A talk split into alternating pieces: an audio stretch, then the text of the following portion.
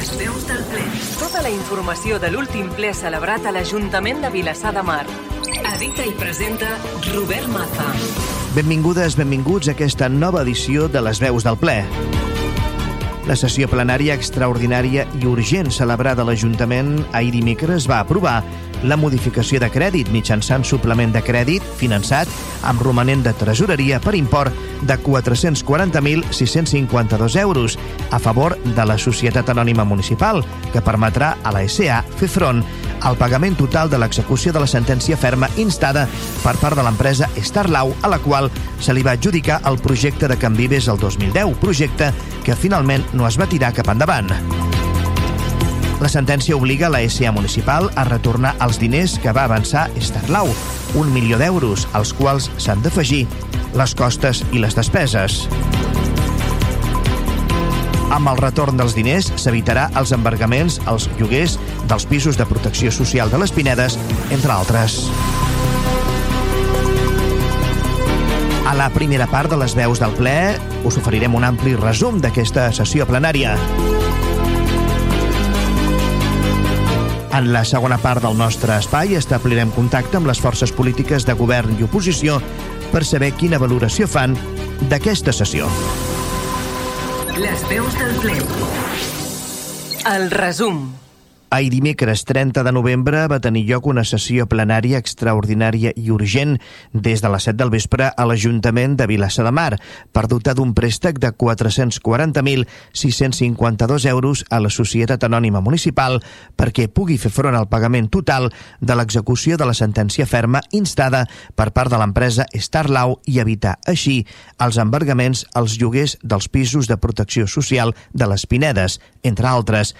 Starlau és l'empresa empresa a la qual se li va adjudicar el projecte de Can Vives l'any 2010 amb govern de Convergència i Unió, projecte que finalment no es va tirar cap endavant. La sentència obliga la Societat Anònima Municipal a retornar els diners que va avançar Starlau, un milió d'euros als quals s'han d'afegir les costes i despeses. Un cop aprovada la urgència per unanimitat del plenari, es va passar a l'aprovació del punt amb els vots a favor d'Esquerra Republicana de Catalunya, Gent per Vilassar de Mar i de Vavor, i l'abstenció de Junts Vilassar de Mar, Partit dels Socialistes de Catalunya i Ciutadans, es va aprovar la modificació de crèdit mitjançant suplement de crèdit finançat amb romanent de tresoreria per import de 440.652 euros a favor de la Societat Anònima Municipal. Per part de Ciutadans, el seu portaveu Juan Díaz va explicar l'abstenció perquè es tracta d'uns diners, va dir, que s'han de pagar per evitar l'embargament dels lloguers dels habitatges de les Pinedes. Tot i això, va remarcar que el seu grup no aprova la gestió realitzada pel govern en aquest procés. Des del Partit dels Socialistes de Catalunya, el seu portaveu, Quico Zamora, va voler contextualitzar la necessitat de fer aquest pagament va remuntar-se al 2010 amb govern de majoria absoluta de Convergència i Unió per explicar que Starlau era l'empresa que havia de dur a terme el projecte de Can Vives, un projecte que finalment no va reixir. Amb aquella licitació, Zamora va recordar que Starlau, com a fiança de les obres, va donar a la Societat Anònima Municipal un milió d'euros més IVA, i ara l'empresa ha reclamat el retorn de la fiança amb costes i despeses. Quico Zamora va dir no ens podem oposar a pagar una sentència d'un govern que no ha estat eficient en tots els processos que s'han iniciat. Per responsabilitat i per no perjudicar els ciutadans, farem un vot d'abstenció. Va concloure Zamora, que també va demanar explicacions públiques i dirimir les possibles responsabilitats que se'n derivin. Per part de Vavor, la portaveu Helena López va explicar que votarien a favor per tal que la SA pugui fer front al pagament total de l'execució de la sentència que la condemna a pagar uns 1,4 milions d'euros aproximadament. Helena López va dir, entenem que no ens queda més remei, Primer perquè es tracta de l'execució d'una sentència ferma que reconeix l'existència d'aquest deute. I segon perquè el contrari és tenir embargats els comptes de la SA, els lloguers dels habitatges de les Pinedes i tenir totalment inoperativa la Societat Anònima Municipal. Vavor, igual que el PSC, es va remuntar en les seves explicacions a l'any 2010, moment de la contractació de l'empresa Starlau, que consideren l'origen de tots els problemes van recordar les irregularitats en la contractació que recull l'auditoria de la Societat Anònima Municipal, entre elles que el projecte s'adjudica a Starlau després de declarar desert un concurs on es presenta una altra empresa i on s'observa una manca de justificació del per què es rebutja l'oferta presentada. Després s'adjudica Starlau amb un procediment negociat sense publicitat i sense documentació que acrediti que s'havien demanat dues ofertes més. Helena López va recordar, a més, que el contracte amb Starlau s'atorga sense cap clàusula de garantia en cas d'incompliment per part de Starlau i que aquest és el motiu fonamental pel qual la sentència reconeix que la Societat Anònima Municipal ha de tornar a Starlau la quantitat lliurada per aquesta en el moment de la formalització del contracte.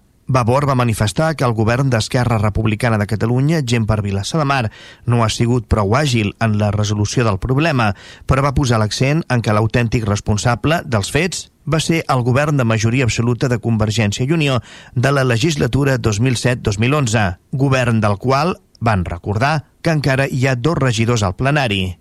Helena López va fer referència en la seva intervenció al regidor Joan Roca, que en aquell moment era president de la mesa de contractació que va atorgar el contracte a Estarlau. Des de Junts Vilassar la seva portaveu, Laura Martínez, va manifestar que no entraria en els temes del passat com havien fet altres grups i va explicar que s'abstenien perquè es tracta d'un tràmit legal que s'ha de complir tot i no està d'acord amb com el govern municipal l'ha gestionat. Les veus del ple. Tota la informació de l'últim ple celebrat a l'Ajuntament de Vilassar de Mar. I després d'oferir-vos el resum de la plenària d'ahir dimecres, seguidament establim contacte amb les forces polítiques de govern i oposició per conèixer quina valoració fan d'aquesta sessió. Les reaccions. Comencem pel govern. Esquerra Republicana de Catalunya. Gent per Vilassar de Mar. Àngel Font. En relació al, al ple extraordinari que es va celebrar ahir, hi havia un únic punt de l'ordre del dia que era una, una modificació de crèdit eh, per aportar 440.652 euros. Bé, això, eh, aquest crèdit, la modificació de crèdit està relacionat amb tot el tema de Can Vives, era el projecte d'urbanització i constructiu del govern, dels anteriors governs de Convergència i Unió, projectes que no es van dur a terme que han portat tota una sèrie de, eh, de judicis i de resolucions judicials, entre les quals aquesta, una sentència ferma que obliga l'Ajuntament de Vilassar de Mar a pagar un milió d'euros eh, costes i interessos. Aquest crèdit és per acabar de pagar la part que falta per cobrir per cobrir aquest eh, import. Per tant, eh, per fer compliment estricte del que és una sentència judicial s'ha dut a terme aquest ple extraordinari amb, el, amb la modificació de crèdit que els he comentat. Fins aquí la valoració del govern. Seguidament, coneguem quina valoració fan de la plenària d'ahir dimecres les forces polítiques de l'oposició. Junts, Vilassar de Mar. Javi Martín. En relació a la sessió plenària extraordinària del dia d'ahir, eh, destacar que, bueno, cap i a la fi és un requisit legal el fet de que haguem de pagar i assumir les costes d'aquest judici perquè aquest govern no ha fet les coses en temps ni forma i ha anat demorant els processos esperant que per un motiu o per altre això s'arreglés automàticament i no ha estat així. El que ens ha portat és a, a tinguer que, que fer una modificació de crèdit per poder donar aquests diners a la societat municipal per tal que no s'embarguessin els, els lloguers dels pisos de les Pinedes, entre d'altres. Vavor. Helena López. Al ple extraordinari d'ahir, el govern municipal portava un únic punt a l'ordre del dia, que era l'aprovació d'un préstec a la SA municipal per poder fer front a la sentència que la condemna a pagar a Starlau 1,5 milions d'euros.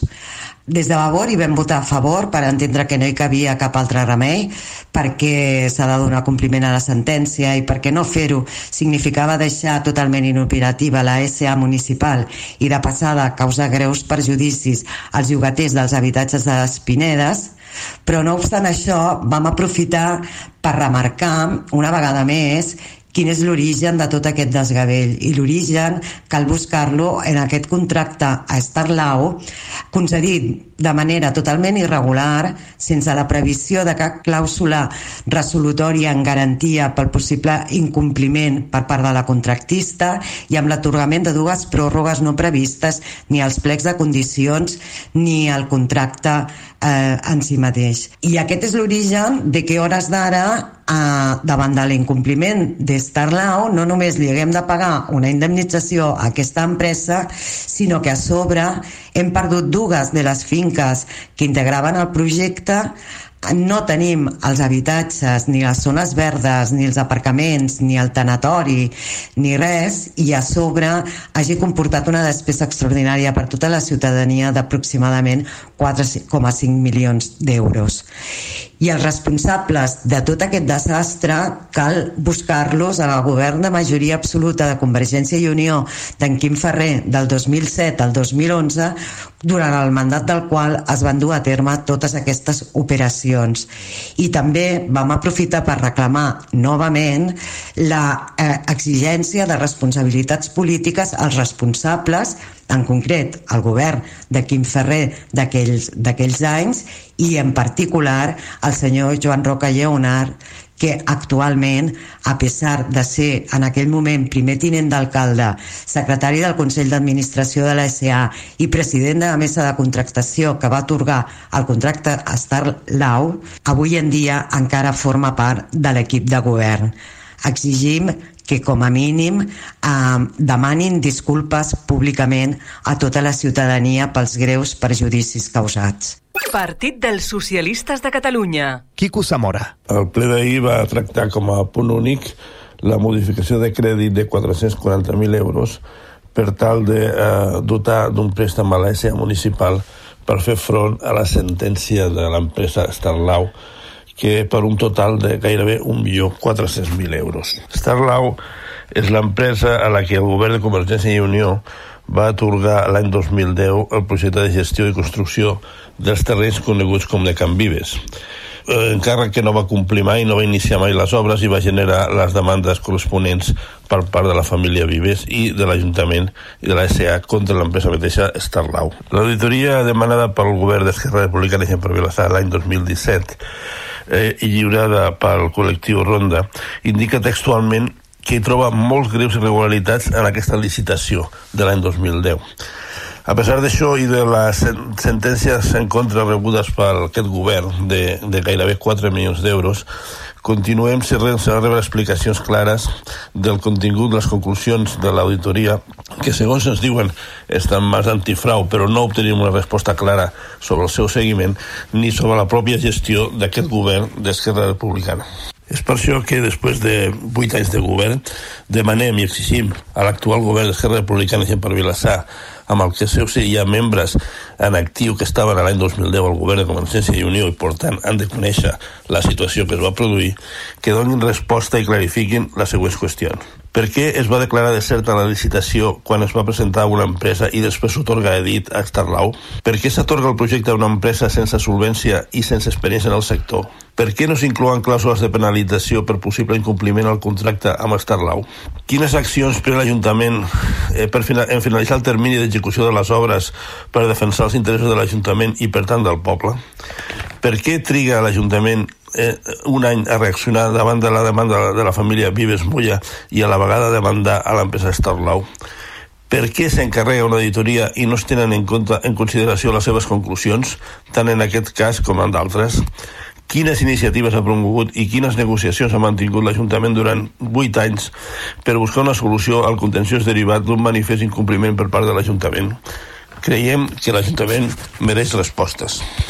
Ciutadans, Partido de la Ciudadanía. Juan Díaz. El pleno de ayer, que fue un pleno de urgencia que necesitaba el gobierno para poder aprobar la, la modificación de crédito por un importe de más de 400.000 euros para pagar la sentencia condenatoria por el caso Starlau, es un pleno más de esos que demuestra que este gobierno tiene serios problemas en la gestión. Una gestión nefasta de 2015, de un caso que es sobrevenido, que es del gobierno anterior de CIU, pero que este gobierno no ha sabido solucionar o gestionar de una manera eh, efectiva y positiva. Eh, yo no sé si este gobierno tiene mala suerte o, o es que realmente hace una mala gestión de los temas, pero las sentencias condenatorias se suceden, los expedientes o multas se suceden y eso es dinero que, que viene de, de, todos los ciudadanos, de todos los vecinos y vecinas de Vilasar de Mar, un dinero público, un dinero de todos que podría tener mejores fines que, que pagar sentencias. Les del ple. Tota la informació de l'última sessió plenària.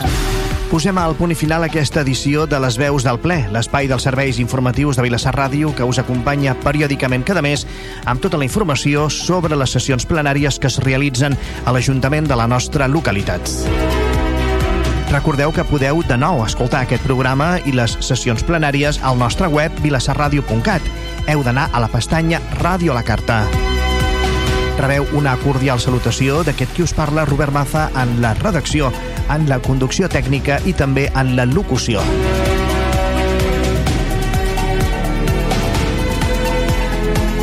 Gràcies per acompanyar-nos una vegada més. Us esperem la propera edició de Les Veus del Ple. Les veus del ple, un espai dels serveis informatius de Vilassar Ràdio.